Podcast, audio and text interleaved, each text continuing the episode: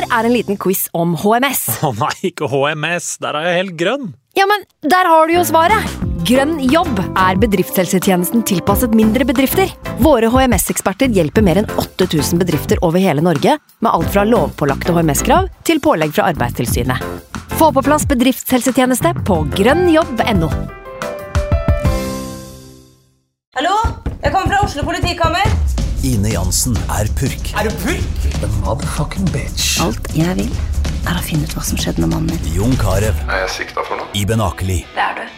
Ole So, Lars Berrum og Big Daddy Karsten. Hvem sin side er du på, egentlig? Anette Hoff, Tone Danielsen, Kommer du fra Afrika? Jørnis Josef, Nesten. Kløfta. Trond Espen Seim, Det er synd å si det, men det var feil mann som døde. Purk. Premiere tirsdag på TV2 Play. I can't believe it. Football, bloody hell.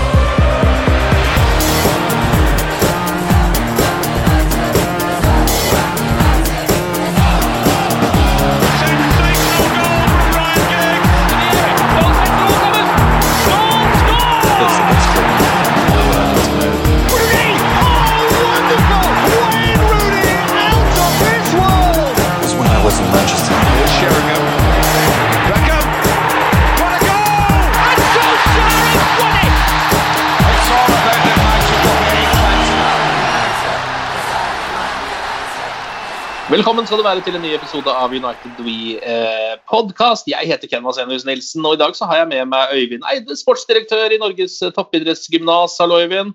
Hallo, hallo. Vår mann på det taktiske, eh, og det er jo derfor vi har deg med i dag også. Nå har det vært eh, litt sånn som det vel har vært hele perioden under Ole Gunnar Solskjær. Noen nedturer fulgt av noen oppturer, og omvendt igjen. Um, jeg vet ikke, Vi kan jo kanskje gå litt tilbake i tid til eh, den perioden hvor Solskjær fikk ja, mest kritikk nesten til nå. Eh, kamper mot Arsenal, uh, Basak Shehir, eh, kampen mot eh, Chelsea fikk han jo heller ikke spesielt mye god, eh, god, hva skal man si, gode skussmål for. Hva tenker du når du har sett de kampene her, og så ser det som måtte ha skjedd nå i det siste, da, mot Everton osv.? Ja, og det er vanskelig å oppsummere så mange kamper, fordi at hver kamp lever jo sitt eget liv. og eh, Jeg syns jo kampene mot Chelsea og Arsenal det, det bærer veldig preg av to lag som har forberedt seg veldig godt på hverandre. De tar hverandre ut eh, veldig godt. Det er få sjanser. Eh, mye sånn stillingskrig, på en måte, som man pleide å si før i tida, at det var mye spill på midten. Ja. Eh, og det, det var vel eh, Spesielt Arsenal-kampen bar jo mye preg av det. Og så vinner jo Arsenal den kampen eh, 1-0, eh, men jeg syns ikke at eh, det var noe krise fra, fra Solskjær sin side. Det var, eh, det var en vanskelig kamp, en vanskelig motstander. Eh, Arsenal var ikke akkurat noe sånn kjempegode, de heller. Eh, og det var en, eh, en veldig jevnspilt kamp som like godt kunne ha hendt uavgjort som, eh, som en seier til Arsenal. Så den føler jeg er på en måte helt, helt greit. Men så er jo selvfølgelig det som er krise, er det som skjer i, i Tyrkia. I, I Champions League. Det, det var smått stakkarslig, for å si det, å si det enkelt. Og da, da var det bekmørkt, altså. Ja, også Du som eh, er en mann som er opptatt av det taktiske. Når du ser det målet som uh, Basakshi tar ledelsen med der, hvor hele Manchester United er uh, ja, uh, inne på uh, Basak sin banehalvdel, på en corner der. Hva, Ja. hva tenker du, River du deg i håret, eller hva er tenker du det? Får sånn flashback til du sjøl spilte fotball når du var ti år og det sto noen og fiska bak forsvaret. Det, det, var, det var som å se småguttefotball. Altså. Det, det skal ikke skje på det nivået her at, eh, at det ligger igjen en spiss på midtstreken og nærmeste United-spiller er 15-20 meter unna. Det er, eh, det er ganske fantastisk at det i det hele tatt skjer. Og det skjer jo ikke bare da, det skjer jo eh, på den andre skåringa der òg, vel, hvor, eh, hvor det kommer spillere helt alene gjennom. Så der, nei, der, der skjedde det veldig mye rart. Og, og for meg så var det litt sånn derre Litt tegn på et lag som eh, har vært litt i motgang. Hvor, eh, hvor spillerne begynner å gjøre veldig mye rart. eh, og man opplever mye rare situasjoner i kamper. Det, det var litt den følelsen jeg satt med der, og da ble jeg veldig spent på hvordan det kom til å se ut mot Everton. Ja, ikke sant? Men er ikke sånne ting som det der såpass sånn basic at det nesten altså, Hvor skal man på en måte legge skylden når sånne ting skjer? Er det hos, altså, jeg ser ikke for meg at Ole Gunnar Solskjær har sagt 'stå der'. Jeg håper ikke det. uh, nei, og det er sånne ting som skal ryddes opp på forhånd, selvfølgelig. Det var vel dødball på det første målet der, og, og hvem, skal, uh, hvem, skal, holde inn og hvem skal stå hvor. og Alle spillerne ser jo rundt seg. DG har jo oversikt bakfra, kan jo prate, det er ingen på tribunen, alle skal kunne høre. altså Det er, det er, det er bare mange ting som er gått feil. Nå var det vel Henderson som sto i mål, da. Men uh, mm. det, er, det, er, mange ting som, som går gærent der.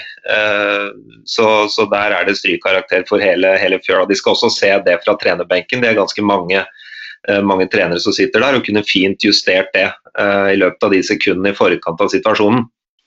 Så, så der, eh, der, tenker jeg at man kan dele den skylda på ganske mange. Før vi går løs på Everton-kampen, Øyvind, så um, hva har du tenkt om den ja, skitt-tornadoen som har kommet mot Solskjær etter mange av de kampene som vi nettopp har snakka om? Ja, og det er klart det, det, det, begynner jo med en litt dårlig innledning av sesongen. ikke sant? Det har vi snakka om før når vi har, uh, har snakka sammen på podkasten her. Og så var det jo en skikkelig nedtur med et 6-1-tap mot, uh, mot, Tottenham. Um, men så, så syns jeg det er én ting som vitner om håp, og det er uh, kampen mot Paris Saint-Germain borte. og den, den syns jeg vi må dvele litt ved, for der er det der er det mesterstykket sånn taktisk sett, som jeg ser det, som, eh, som vi må ta opp litt. Og det, det, er det jeg mener med, med håp for framtida. Det er det som skjer i den kampen der også, for så vidt mot Leipzig, da, men enda mer mot Paris, syns jeg. da. Hvor, uh, hvor Solskjær går inn i den kampen i en 5-3-2-formasjon og har overtall mot den fronttrioen da, med Neymar og Di Maria og, og Mbappé. Eh, og har egentlig ganske bra kontroll på kampen og leder jo 1-0 til pause. Men så begynner jo sjakkspillet hvor da Paris gjør eh, endringer. De setter inn to sentrale midtbanespillere, noe som gjør at midtbanetreeren til, eh, til, United lokkes litt fram for å gå i press, og da får plutselig Neymar masse plass. Og så blir det 1-1, og det blir masse trykk imot målet til, til United. Og så skjer det som jeg mener er ganske tøft gjort og genialt når jeg ser det i etterkant. Det er at uh, han tar ut en forsvarsspiller når de spiller med fem bak. Tar ut en forsvarsspiller og setter inn på en midtbanespiller. Spiller 4-4-2-diamant og spiller med Anker, som uh, rett og slett er frimerke på Neymar. Og da snur kampbildet fullstendig igjen, uh, og United vinner den kampen 2-1 jeg tror ikke jeg ville tenkt at når vi allerede spiller med fem bak og vi blir pressa sånn som det Paris eh, pressa der, så tror jeg ikke jeg hadde turt å spille med fire bak. Uh, men han, han, han, rett og slett flytter folka sine fram til der hvor problemet egentlig oppstår. Og det vil si pasningene inn til Neymar. Det er jo det som var utfordringa, hvor Neymar da fikk lov til å herje. Så i stedet for å styrke det som Neymar kan finne på, så fjerna de rett og slett eh, pasningen i forkant til, eh, til Neymar. Og det var, eh, det var, veldig bra observert, det var veldig tøft gjort, og da ble jeg ganske imponert, faktisk. Ja, og Det er jo noe han har fått kritikk for. Solskjær får jo mye kritikk for mye. da, Det gjør man jo når man er uh, Manchester United-manager, nesten uansett hvordan det skulle gå. Men uh, altså, dette med at han uh, kanskje ikke liksom er uh, den mest sånn kløktige underveis i kamper til å liksom, uh, ja, hva skal man si, svare på motstanders sjakktrekk. da. Men her traff han jo absolutt der. Vel, dette var veldig bra, og det var veldig høy klasse. og det er som jeg sier at hvis du vi husker jo kampbildet. ikke sant? Eh, Paris pressa jo på skikkelig der, og du har allerede tre midtstoppere, og så tar du ut én. det, det, høres jo helt, helt, crazy ut, ikke sant? Men, men der var det geniale, da de stoppa tilførselen til angrepsrekka i stedet for å styrke å si, De kunne jo bytta inn en annen forsvarsspiller som kanskje var bedre i duellspillet, satt ned McTominay som kanskje hadde mer kraft eller et eller annet, jeg vet ikke. Men um, de valgte noe helt annet og rett og slett løfta presset opp og tok ut Neymar fra kampen. og Da overtok de hele greia og vant, uh, vant 2-1. Det, uh, det var absolutt mesterlig, og det er det som jeg syns gir litt håp da, for, uh, for framtida. Uh, jeg håper kanskje at det kan smitte litt over på de kampene vi har sett United har slitt kanskje som mest, og det er da når lag legger seg veldig lavt mot United. Ja, ikke sant. Eh, det er jo flere også på Twitter som påpeker det at eh, United blir noen ganger ser litt fantasiløse ut når eh, dette skjer, når andre lag legger seg lavt. Og jo, Den kritikken går jo også da rett til Ole Gunnar Solskjær. Er du, du er, kanskje, er du enig i det de er jo, ja, er jo ikke det beste på å bryte ned et lavtliggende lag. Nei, og det er jo, det er jo sant. Altså, de, de, er dessverre I en del tilfeller så virker det som at det er enkleste måten å stoppe United på, er å legge seg knalllavt i en 5-4-1 eller 4-5-1 og bare la United ha ballen. Eh, for der, der har de litt trøbbel, altså. Og, og jeg syns de gjør i altfor grad mye av det samme, i stedet for å finne på litt andre ting. Uh, og Det er det jeg savner litt uh, mot sånne typer lag. da. Og så har vi også sett det at United sliter med å frispille seg mot høyt press også. Som gjør at en del lag som også er uh, ikke fullt så gode, tør å stå høyt på United òg, og kan få ganske mye igjen for det presset. da, Fordi de, de vinner ballen langt unna sitt eget mål og nærmer United sitt mål. har du noe som selv har trent lag og studert dette gamet? har du noen slags forklaring på hvordan Eh, det kan være at, altså, Du husker den perioden som var eh, fra siste halvdel av forrige sesong, etter at Bruno Fernandes kom inn. Og Det var en rekke med kamper der hvor United var eh, best i ja, nesten hele Europa på akkurat det der. Eh, og faktisk klare å bryte ned eh, de litt mindre gode lagene som la seg lavt. De bare, eh, altså, de, de skårte jo så mye mål at det var aldri noe tvil om at de skulle vinne de kampene. Nå er det liksom på en måte akkurat som det er fordufta. helt, det har blitt helt borte. Hvordan, sånt, hvordan fungerer de mekanismene der? Det ene er nok at uh, energinivået til Fernandes i seg sjøl uh, er nok litt lavere enn det det var når han kom. Det har vært tøffere kampprogram osv. Uh, det er det ene. Det andre er at uh, lag er jo mer opptatt av å ta ut han. Uh, sånn at han må finne seg posisjoner lavere i banen ofte. da. Uh, og det, det, tredje er jo at eh, jeg syns det i en del kamper nå er færre bevegelser foran ballfører enn det det var når Fernandes da kom og begynte å sette sitt preg på det. Uh, og det er litt av det som er greia, at når lag ligger såpass lavt som de gjør, så må det fortsette å true bakrom. og det uh, det syns jeg de kan være veldig bra på i enkelte perioder, men det blir litt for lite av det. Og det er der jeg tenker at hvis de greier å spille med et spisspar, da, hvor de kan jobbe sammen, hvor én møter og én stikker f.eks. Det, det tror jeg vil være gunstig for det laget her. Da, for de trenger motsatte bevegelser, ikke bare noen som kommer inn fra kant og steller seg feilvendt, eller en spiss og står feilvendt. Eh, det, det, blir for mye feilvendt og på spill på fot. da. Det er det det, det er det det, handler litt om, i stedet for at det er noen som drar i vei på bevegelser og skaper rom for andre. Du har jo eh, vært eh, veldig opptatt av, egentlig, av, at United burde spille litt mer i denne diamantformasjonen eh, med to spisser. nå har de jo på en måte gjort det i noen kamper, men da har det jo vært nesten som at det har vært pga. nød. At det ikke har vært nok spillere å velge mellom, at det har vært litt skader og sånt. At har gjort det. Hva syns du har sett de gangene de har gått for den formasjonen? Ja, det er litt, litt sånn blanda, men det, det, tenker jeg at det må være. For det må være en innkjøringsperiode i, i det også. Um, men jeg, jeg, står nok fortsatt på det at jeg tror United får mest ut av stallen sin hvis de greier å få en diamant til å fungere. Uh, og så lyktes de, lyktes de, jo veldig godt i 4-2-3 nå mot Everton. Uh, vi kan jo komme litt inn på det etterpå. Jeg har noen hypoteser på hvorfor, uh, hvorfor, det passer bra mot den type motstand. Uh, men i kamper mot lag som, som, er svakere og legger seg mye lavere, så tenker jeg at den diamanten bør passe. da. At den passer mot Arsenal og sånne ting, det er ikke sikkert. Jeg kunne tenkt meg kanskje i større grad 5-3-2 mot gode lag, 4-4-2 diamant mot eh, mindre gode lag, og 4-2-3-1 mot lag som spiller 4-5-1, sånn som Everton gjorde. Ja, La oss uh, rett og slett gå løs på den kampen. Det er jo den eneste kampen som har blitt spilt uh, siden forrige podkast. Um, og Det starter jo litt sånn som alle United-supportere hadde frykta. Uh, United kommer under tidlig. Bernard skårer et forholdsvis Det virker som en enkel, litt sånn enkel måte å få seg et mål på når man ser det første gang. Men det er jo bra gjort av han, selvfølgelig. Det er tunnel i avslutninga der og mye tilfeldigheter. Men United slipper jo lett til sånne ting. Det er jo ofte litt sånn tidlige kamper også.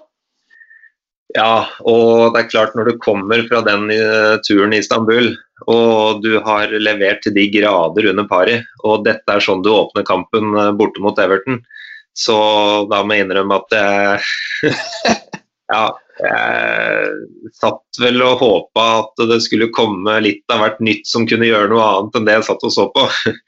Men, eh, nei da, men, de, men så syns jeg også vi har sett flere ganger òg at de, de, kommer tilbake.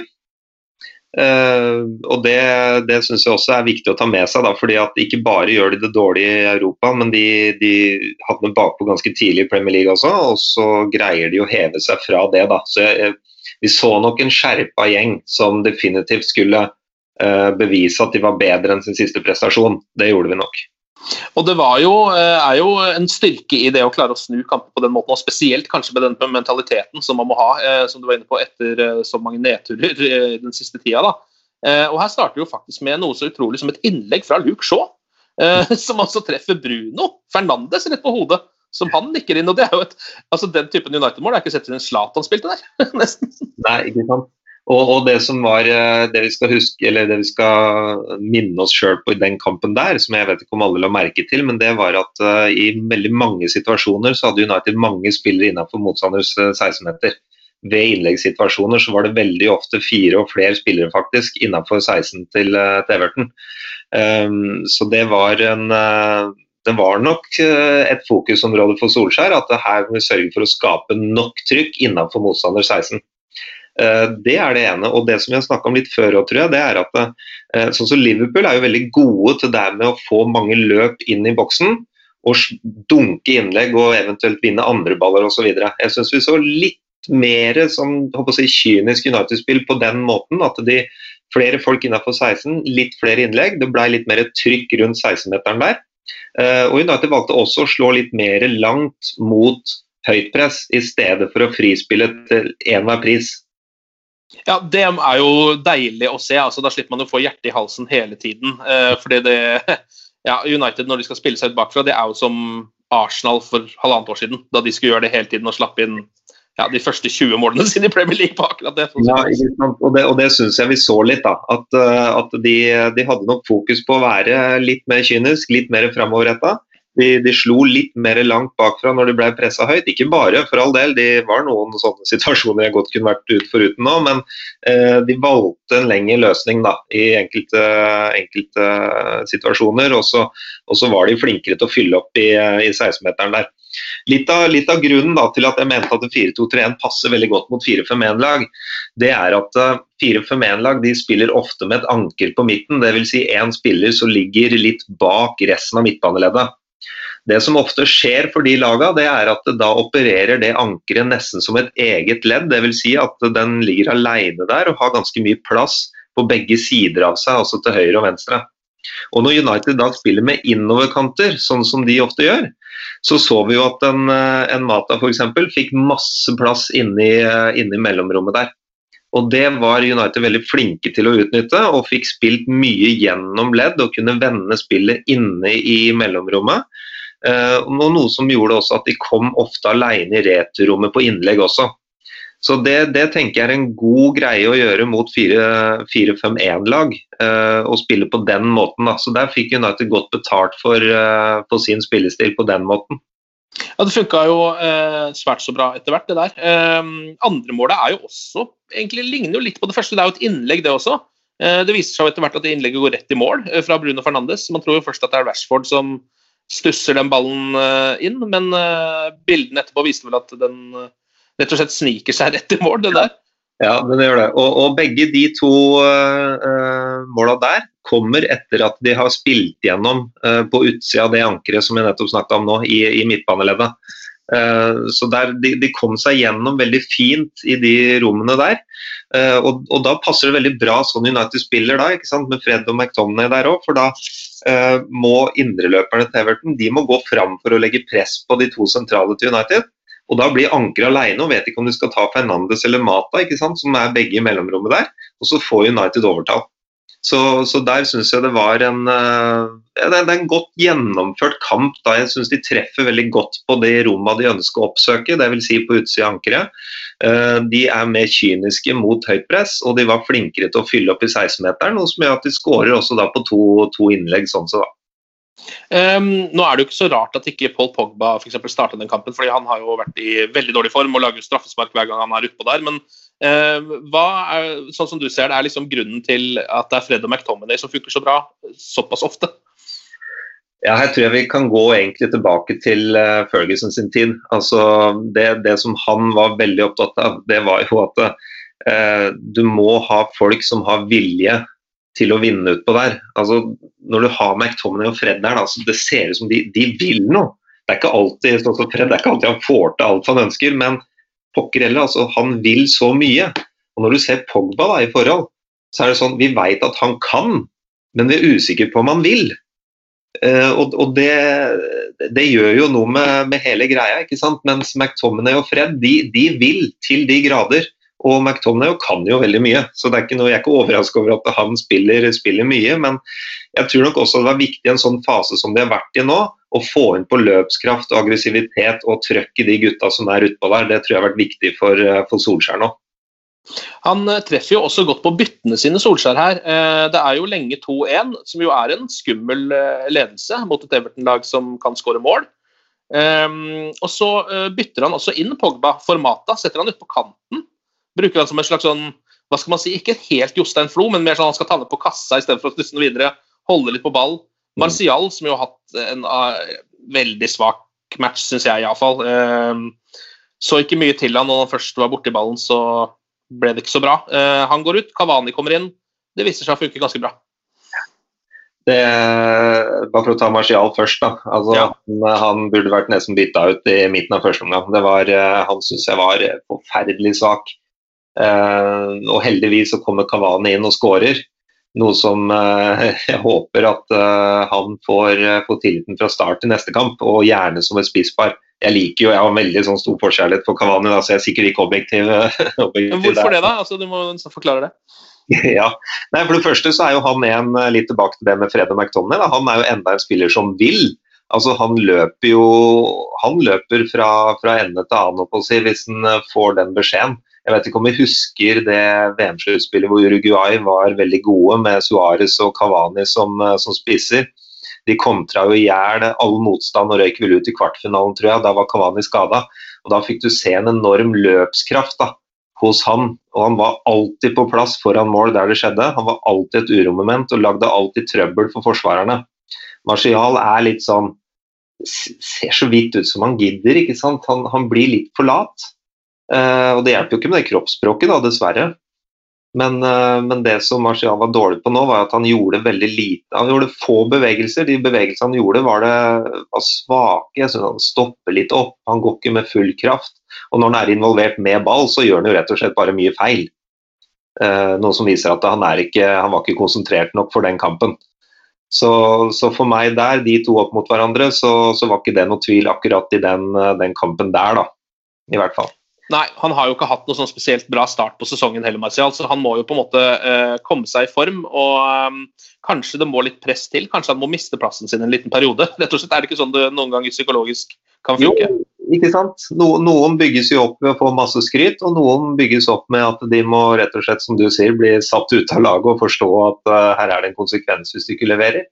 Uh, men vi vet også at Martial kan være utrolig god og har levert veldig mye bra og gjorde det på slutten av fjorårssesongen nå. Så eh, det er ikke noe tvil om at han kommer til å være en god bidragsyter, men sånn det ser ut akkurat nå, så, så heller jeg litt mer mot å bruke Kavani også fordi han, han, er en spiller som kan være en signalspiller for laget da, og dra med seg de andre gutta, sånn som Fred McTominay gjør, fordi det er en som vil og virkelig brøyte litt vei der. Det tror jeg er viktig. altså.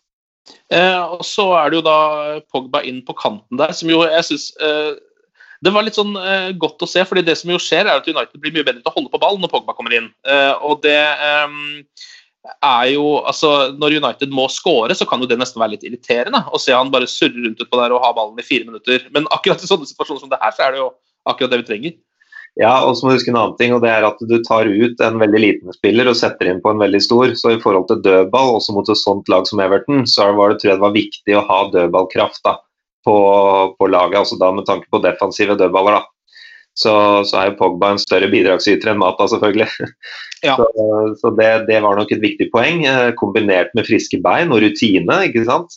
Eh, og så syns jeg at eh, Pogba er bedre de gangene han kommer inn fra benken i kamper som United leder. Eh, da syns jeg ikke at han er så verst, faktisk. Og det har jeg tenkt litt på, eh, og i mitt stille sinn så har jeg begynt å spekulere litt i om han, eh, sliter med noe prestasjonsangst eller et eller annet som gjør at når det er tøffe kamper og det er jevnt og litt sånne ting, så underpresterer han veldig ofte. Mens i sånne kamper som det her, når United allerede leder, så er det akkurat som at han spiller med litt sånn lettere skuldre, om, om du skjønner? Ja, men jeg, jeg, har jo lagt merke til det selv. Han er jo en sånn uh, Det som jeg husker at vi pleide å kalle for litt sånn solskinnsspiller. Eller altså en spiller som er en formspiller, slett, som er på en måte bra når resten av laget er helt på topp. Altså, Paul Pogba er jo også god i de kampene hvor United bare vinner 4-0. Da kan han starte kampen og være god da også. Men det er akkurat som at hver gang det er litt trøkk og litt press, så er ikke han den liksom, lederen som går foran. Og vet ikke, Han har ikke den mentaliteten, da. Nei, og det, det, der er veldig interessant, for det har vi sett på ja, For de som ser på boksing og sånne ting også, så har vi jo møtt mestere som er glad når de mister beltet fordi at de syns det har gitt så stor eh, Det, det har tynga de veldig, da. Det presset ikke sant? Som, som det er i det å være best. Og det, det, kan, det, blir jo rein spekulering, men det kan jo hende også at Pogba sliter med noe av det samme. At han rett og slett kanskje ikke takler det forventningspresset rundt den så veldig godt. da. At det er ganske deilig for han å kunne komme inn i en sånn kamp som det her, da, hvor det ikke ligger så mye press på han. Får jo håpe at han kan være mer enn en spiller som kommer inn og United leder 2-1 for å spille på kanten i ti minutter, men, men, akkurat nå så tar jeg det òg, så lenge United vinner fotballkamper. Um, og det gjør det jo her. 3-1 blir det til slutt, etter at uh, Bruno har spilt gjennom Kavani helt på tampen av overtida. Uh, og Kavani får seg en, uh, den første skåringen for United. Og sånt nå er vel også en sånn, for en spiss, da, psykologisk boost. Ja, og ikke minst at det kom i den kampen, og Martial var så veldig dårlig og Kavani kommer inn og skårer. Det, det syns jeg blir et veldig bra bilde. Da, for det kan som du sa, det kan trigge Marciala. Nå skjønner han det, at hei, nå er det faktisk en spiss som driver og skårer her, mens han sjøl var dritdårlig. Da, da, ville det gjort noe med meg, hadde jeg tenkt i hvert fall. Um, det eneste som jo er litt uh, kjipt med denne kampen, er jo at det kommer et par United-skader. Shaw um, må jo ut etter hvert her. Uh, blir bytta ut i rundt sånn 60 minutter eller noe sånt, så vidt jeg kan huske. Hadde jo nå to assists uh, på to kamper, så han har jo på en måte Og spilte også veldig bra, syns jeg, mot Everton den tida han spilte. Eh, han er vel ute i fire til seks uker med en hamstringskade, som er litt dårlig nytt for United, men det betyr jo at eh, Alex Telles uh, får muligheten til å prøve seg, kanskje. Og så er det jo da Rashford som sliter med den skuldra si. Helt på slutten av kampen så lander han på den, tror jeg, får vondt i skuldra. Mm, fullfører vel, så vidt jeg kan huske. Men uansett, han ble tatt ut av den engelske landslagstroppen igjen nå, har ikke spilt siden. Ingen som vet hvor lenge det der kommer til å vare, men, ja, men vi får håpe at han er tilbake på beina igjen så fort som mulig. Ja, og Venstrebekken er jeg ikke så bekymra for. Eh, ref det vi snakka om nå, med mer kynisk i forhold til å slå en del innlegg og få mange folk inn i boksen, det tror jeg blir viktig mot eh, West Bromwich også. Eh, så uten tvil at det kommer til å være kjempegunstig å ha foten til Telles ute på venstre han kommer til å banke de innleggene inn der, akkurat sånn som vi egentlig håper at de skal, skal, gjøre. og Da blir det enda viktigere å ha Kavani der, da, mener jeg. Absolutt. Eh, ellers så var jo eh, Solskjær eh, ikke så glad, eller ikke letta engang, etter kampen, da det var en eh, liten, eh, lite postmatch-intervju. Han var jo direkte forbanna. Lynforbanna. Så sur som jeg aldri har sett han. Eh, det er nesten sånn at fjeset hans begynte faktisk å, han begynte å ligne på Gollum underveis i, i intervjuet. Så sur var han. Og det var jo da fordi at United hadde et veldig tett kampprogram. Var ute i Europa i midtuka. så og så rett ut på tidligkamp da, på, på, lørdagen her. Skjønner du frustrasjonen hans, eller? Ja, ja. Veldig godt. veldig godt. Jeg har jo jeg har ikke vært med på noe lignende, selvfølgelig, men jeg har sjøl vært med på å spille bortekamp i Europa og så dra tilbake og håper å si, flyreise innenlands også for å spille ny bortekamp, kanskje. Uh, og det er Det sliter, altså. Det å reise og kortere tid med restitusjon, og du må drikke nok væske, og det er væsketap på fly. og det, altså det, er, det, er, mange ting som spiller inn der. Uh, så kan vi tenke oss det at jo, men til de summene de tjener, så skal de være profesjonelle nok til å stille med sitt beste hver dag. Men, men kroppen fungerer ikke sånn. Den, den, trenger tid til å leges imellom, imellom kamper. og det er, uh, det er vanskelig å gjøre forbedringer også. ikke sant? Når det er så kort tid mellom kampene, så er det sånn at veldig ofte så er det som var gærent i forrige kamp, blir også gærent i neste kamp, for du har ikke tid til å trene på det. Eh, så, så det, er, eh, det, er, en krevende greie. Det, går over, det går, går over, en periode, men over lang tid, sånn som det har foregått nå, og når det først kommer pause, så da, da skal jo alle spille landskamp, så, så, er det jo da, da, da, vet man ikke hvor det her kommer til å ende. Altså. Eller vi vet jo at det kommer til å ende med masse skader, men jeg er veldig usikker på hvordan tabellene som kommer til å se ut. For det er mange lag som kommer til å slite med det her. Um, men hva tenker du om at en manager uh, kommer med sånne type uttalelser som det der? Um, dette er jo selvfølgelig noe han Uh, altså Det måtte en seier til for at du skal kunne si det. da. Du kan ikke komme med et tap og si dette, fordi det, det er så surmulende at uh, da, er, ja, da, er, da er du José Mourinho på en måte på en ja, dårlig dag. Da blir du Mourinho. Det, da blir du Mourinho. Det blir ikke like troverdig. Nei da, men uh, det er, jeg syns det er helt innafor. De, de, må jo få lov til å melde hvordan, hvordan tingenes tilstand er.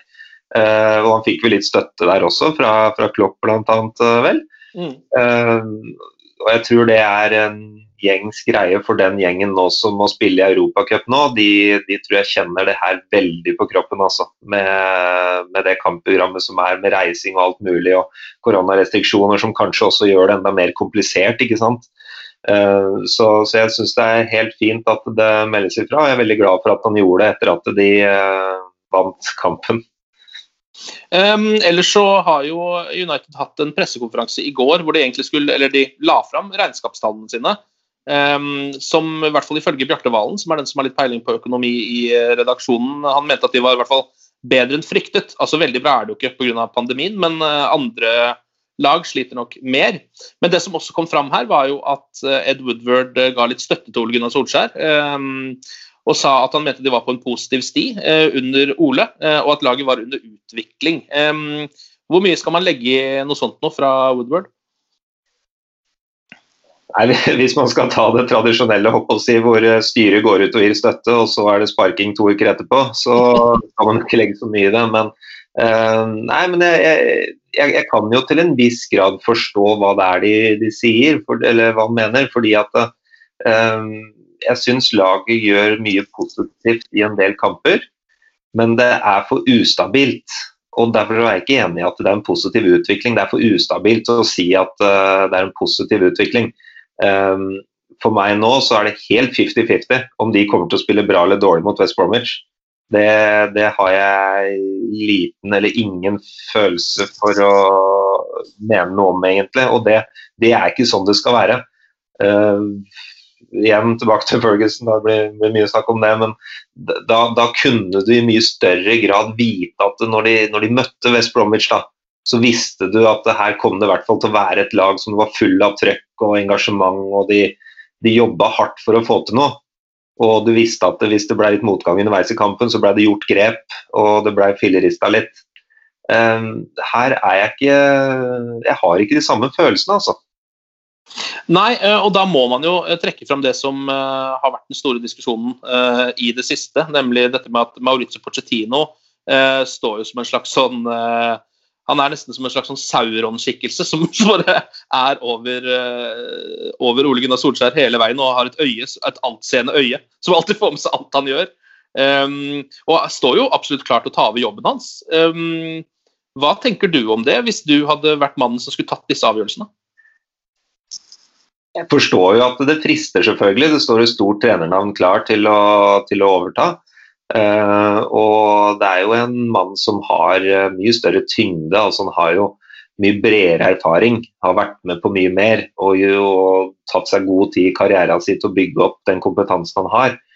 Um, og har lykkes og også mislykkes, og det er også viktig i det store og hele da, at det er en, en, person som har vært med på litt motgang også. Men um, men det er litt som man snakka om før òg. Hvor, hvor er egentlig problemene i klubben? Uh, er det på treningsfeltet, eller er det noe som foregår lenger inn i korridorene også? Det kan ikke jeg mene noe om, men det jeg kan si noe om, da, det er at eh, kampene det gjenspeiler trening. Treningene gjenspeiler treneren. Og når vi ser at det er ustabile prestasjoner, så sier også det noe om trener og støtteapparat, uh, dessverre. Det, det er bare sånn det er. Mm. Ja, det er jo, men det er, ja, det er jo ganske klar tale. Det. Så når vi ser eh, på en måte, altså, eh, sånn som det er under Ole Gunnar Solskjær, da, så er det jo eh, det, Han har hatt noen rekker, riktignok. Noen seiersrekker som har vært veldig imponerende. Men som det har vært i det siste, så har det jo vært eh, det først et meget imponerende resultat, og så det totalt motsatte på en måte neste uke. Um, og hvis, ja, da, hvis det er det han kan tilføre klubben, så er jo ikke det nok. Nei, og, det, nei, og det, det, er det jo ikke. Hvis det er sånn det blir over tid, så er ikke det bra nok. Og så spørsmålet er det noen spillere han kan få inn og sånn. Ja, det, det er det nok, men, øh, men det er liksom noe med å holde energinivået oppe i gruppa. I hvert fall. Det, er helt fint om de ikke får til spillet sitt gjennom 90 minutter i hver kamp. Det, det vet jeg veldig godt hvor vanskelig er. Men vi må kunne se på spillerne at det, det å være best uten ball, altså det å gå på løp i bakrom, det å gjenvinne, det å kaste seg inn i dueller, det kan du gjøre uansett hvor dårlig spillestilen fungerer akkurat den dagen. Uh, men vi ser ikke det heller. Og det det er, litt det som bekymrer meg litt, og det, det, gjør at prestasjonene blir ustabile. Det er veldig sånn variasjoner i konsentrasjonsnivået til spillerne og intensitetsnivået til spillerne. Uh, og det, det, det, holder jo ikke for en sånn klubb for, uh, som United. Da blir det jojo-resultater. Mm. Uh, og da ligger vi på 14.-plass, da, eller hva det er for noe. Uh, en som i hvert fall alltid holder et ganske høyt intensitetsnivå, det er jo Scott McTominay. han tenkte vi skulle se litt på landskampene. Han gikk jo videre til EM med Skottland i går. slo ut Serbia på straffer. Det var vel han som satte den avgjørende straffa tror jeg. Uh, det er jo litt stas, det, for både Skottland og Scott McTominay. Det skulle selvfølgelig vært Norge som hadde vært i den kampen her, men uh, ja, nok om det.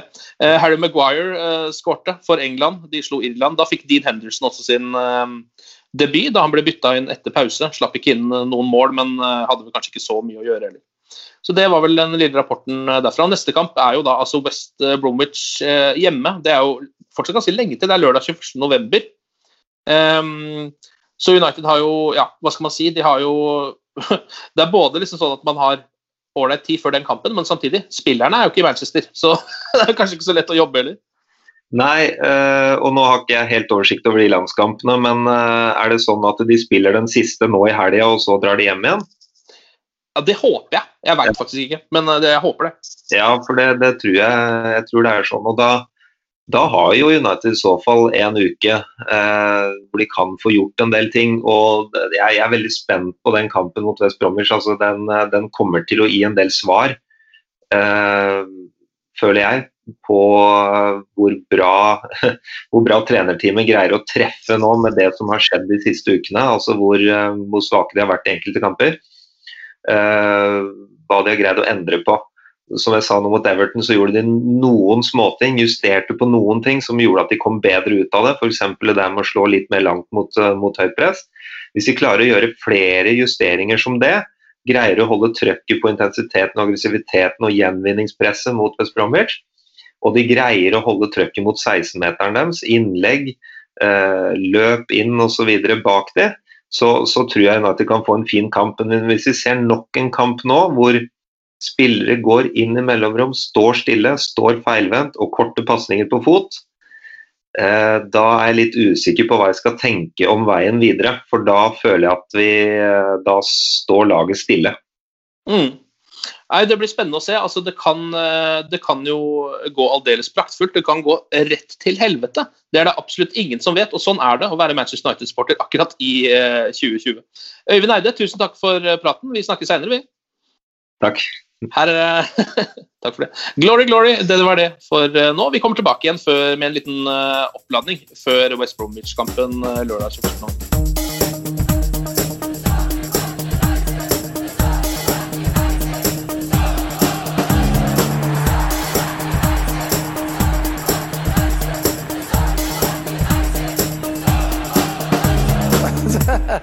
oh, it's true. I've seen many things. Moderne media. Ukens annonsør det er matkasseleverandøren Hello Fresh. Der kan du velge mellom 25 ulike oppskrifter hver uke, eller få Hello Fresh til å sette sammen en meny for deg. Jeg sparer tid på å handle, oppskriften er veldig enkle å lage, og så får jeg akkurat det jeg trenger da, til hver eneste rett, så jeg slipper å kaste så mye mat som jeg vanligvis gjør. Det er også litt deilig å faktisk slippe å gå på butikken, ikke bare fordi det er tidkrevende, og sånn, men fordi man ender opp med å kjøpe så mye greier som man egentlig ikke trenger, sånn som fire poser eh, Smash og en kick med havsalt, eksempel. Det er ikke det du egentlig er der for, du er der for å kjøpe, kjøpe middag. Så det er en veldig eh, kjekk ting. I tillegg så er det jo eh, ferdigporsjonerte ingredienser, det blir mindre matsvinn, og du betaler bare for det du faktisk trenger, og det du faktisk da spiser. I tillegg så blir det da levert på døra. eh, til et fastsatt tidspunkt, sånn at du kan få det akkurat når det passer for deg eh, sjæl. Hvis HelloFresh høres ut som noe for deg, så har jeg en rabattkode du kan bruke også. Gå inn på hellofresh.no og bruk koden HelloUnited24. HelloUnited i ett ord, også 24, og få opptil 1779 kroner i rabatt på de fem første matkassene dine hvis du ikke har prøvd Hello Fresh ennå. Du kan også bruke koden hvis du tidligere har vært kunde, men har stoppa abonnementet ditt for tolv måneder siden eller mer. Det er ingen bindingstid, og du kan pause eller avslutte abonnementet ditt akkurat når du selv måtte ønske. Husk koden HelloUnited24, og bon appétit! Ukens annonsør er Folio, en smartere banktjeneste for deg som har en egen bedrift eller ønsker å starte for deg selv. Folio er en superenkel nettbank for bedrifter. Som kunde i Folio får du en bedriftskonto med et bedriftskort og app. I denne appen er det smarte løsninger som forenkler regnskapet ditt, uansett om du har en liten bedrift eller et enkeltpersonsforetak. Folio er både intuitivt og brukervennlig, og er laget med et enkelt språk. I tillegg tilbyr de forutsigbare priser og ingen skjulte gebyrer. Skulle du likevel trenge det, så kan du snakke med deres raske og hyggelige kundeservice, og der får du prate med en faktisk person og ikke en chatbot. Folio er med andre ord både enklere og koseligere enn banken. Over 10 000 bedrifter har allerede valgt Folio som sin banktjeneste, så besøk folio.no og se hvordan Folio kan forenkle din hverdag også. Har du et enkeltpersonforetak eller en liten bedrift? Da er du sikkert lei av å høre meg snakke om hvor enkelt det er med kvitteringer og bilag i fiken, så vi gir oss her, vi. Fordi vi liker enkelt. Fiken superenkelt regnskap.